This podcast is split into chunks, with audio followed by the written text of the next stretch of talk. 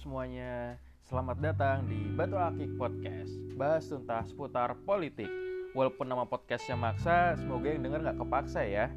Oh ya, sebelumnya kenalin aku dulu. Namaku Waskito Aji, mahasiswa Departemen Politik dan Pemerintahan Fakultas Ilmu Sosial dan Ilmu Politik Universitas Gajah Mada.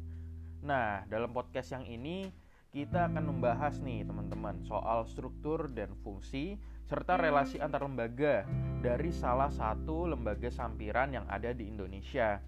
Pada kesempatan ini, kita akan lebih spesifik membahas soal Komisi Pemilihan Umum atau yang biasa disingkat KPU. Oke, kita mulai ya. KPU merupakan lembaga sampiran negara yang didirikan semasa pemerintahan Presiden B.J. Habibie pada tahun 1999. Dikutip dari laman resmi KPU, Lembaga ini memiliki visi menjadi penyelenggara pemilihan umum yang mandiri, profesional, dan berintegritas untuk terwujudnya pemilu yang langsung, umum, bebas, dan rahasia, dan serta jujur dan adil atau luber jurdil. Ditilik dari sejarah perkembangannya, lembaga ini sempat memiliki beberapa perubahan di berbagai sisi. Misalnya, pada masa pemerintahan Orde Baru, lembaga sampiran ini bernama Lembaga Pemilihan Umum atau yang biasa disingkat LPU. Akan tetapi, seiring dengan lengsernya Presiden Soeharto, LPU kemudian bertransformasi menjadi KPU melalui keputusan Presiden nomor 16 tahun 1999. Pembentukan KPU sendiri juga merupakan aspirasi dari masyarakat Indonesia yang saat itu sangat menginginkan pemilu yang lebih demokratis. Pada periode pertamanya, KPU diisi oleh wakil-wakil pemerintah dan wakil-wakil partai politik peserta pemilu 1999 serta tokoh-tokoh masyarakat. Kalau di total-total sih jumlahnya sekitar sebanyak 53 orang. Namun, pada masa pemerintahan Presiden Abdurrahman Wahid, KPU mengalami beberapa perubahan struktur keorganisasian melalui keputusan Presiden nomor 70 tahun 2001. Salah satu perombakan yang dilakukan yaitu mengenai jumlah anggota KPU yang mana sebelumnya berjumlah 53 orang diubah menjadi hanya 11 orang saja. Pada masa pemerintahan Presiden Megawati Soekarno Putri, dilakukan pula eh, pengubahan yaitu pembentukan tim seleksi anggota KPU. Tim ini bertujuan untuk mengangkat kepengurusan KPU pasca perbaikan struktur KPU era Presiden Abdurrahman Wahid. Selain itu, tim ini juga berfungsi membantu presiden dalam menetapkan calon anggota KPU baru yang kemudian akan diajukan kepada DPR untuk dilakukan pemilihan secara demokratis. Nah, sebelumnya kita udah bahas nih tentang sejarah perkembangan dari KPU. Selanjutnya, kita akan membahas tentang tugas dan wewenangnya. Menurut pasal 10 Undang-Undang Nomor 3 Tahun 1999, tentang pemilihan umum dan pasal 2 Keputusan Presiden nomor 16 tahun 1999 tentang pembentukan Komisi Pemilihan Umum dan penetapan organisasi dan tata kerja Sekretariat Umum Komisi Pemilihan Umum, KPU mempunyai beberapa tugas, antara lain yang pertama, merencanakan dan mempersiapkan pelaksanaan pemilu. Kedua, menerima, meneliti, dan menetapkan partai-partai politik yang berhak sebagai peserta pemilu. Ketiga, membentuk Panitia Pemilihan Indonesia yang selanjutnya disebut PPI dan mengkoordinasikan kegiatan pemilu mulai dari tingkat pusat sampai di tempat pemungutan suara atau TPS. Keempat, menetapkan jumlah kursi anggota DPR, DPRD 1 dan DPRD 2 untuk setiap daerah pemilihan.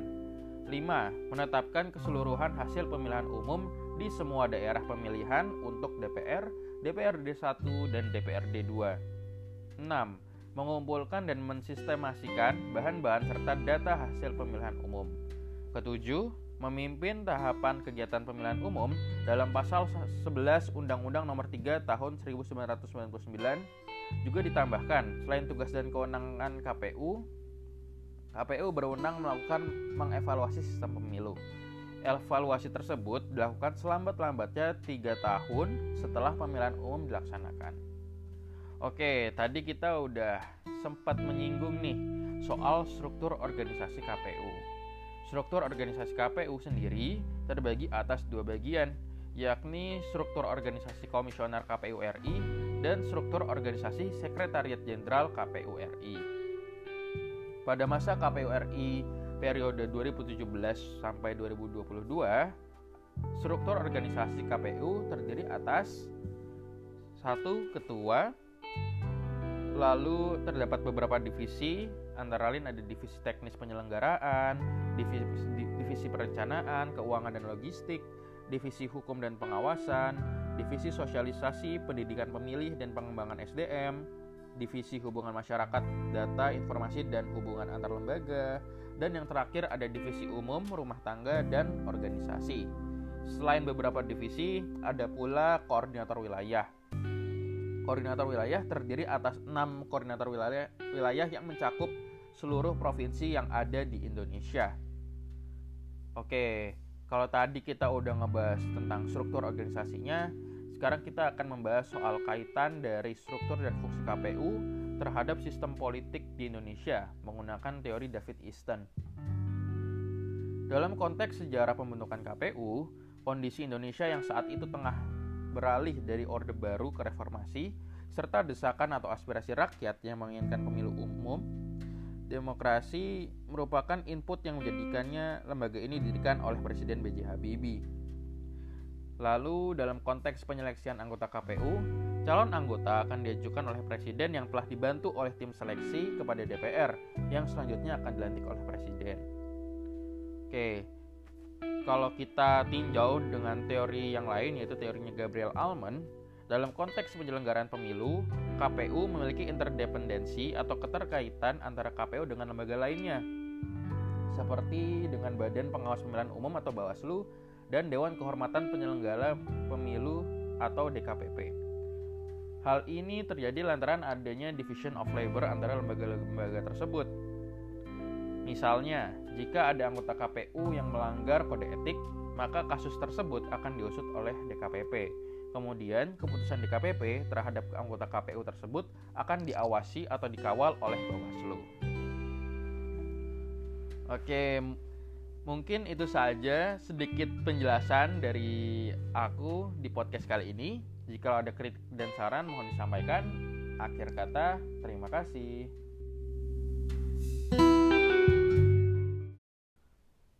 Halo semuanya, perkenalkan, namaku Waskito Aji Suhartono mahasiswa semester 3 Departemen Politik dan Pemerintahan Universitas Gajah Mada. Konten ini merupakan penugasan untuk mata kuliah Politik Desentralisasi dan Otonomi Daerah yang diampu oleh Profesor Haryanto dan Mas Muhammad Jindan. Pada kesempatan kali ini, kita akan ngobrolin seputar problematika Pilkada serentak tahun 2024 serta bagaimana dinamika hubungan pemerintah pusat dan pemerintah daerah. Hmm, sebelum kita mulai, teman-teman di sini udah pada tahu belum sih latar belakang kenapa ada pilkada serentak tahun 2024? Oke, jadi gini latar belakangnya. Pada Maret tahun 2021 lalu, Menteri Hukum dan Hak Asasi Manusia atau Menkumham, Bapak Yasona Lauli, menyatakan bahwa pemerintah pusat telah mencabut rancangan undang-undang tentang pemilihan umum atau RUU Pemilu dari daftar program legislasi nasional atau prolegnas prioritas tahun 2021. Selaras dengan pernyataan Pak Menteri Menkumham, Menteri Sekretaris Negara Bapak Pratikno menyatakan juga bahwa belum ada urgensi untuk merevisi aturan yang lama, baik itu di Undang-Undang Pemilu maupun Undang-Undang Pilkada.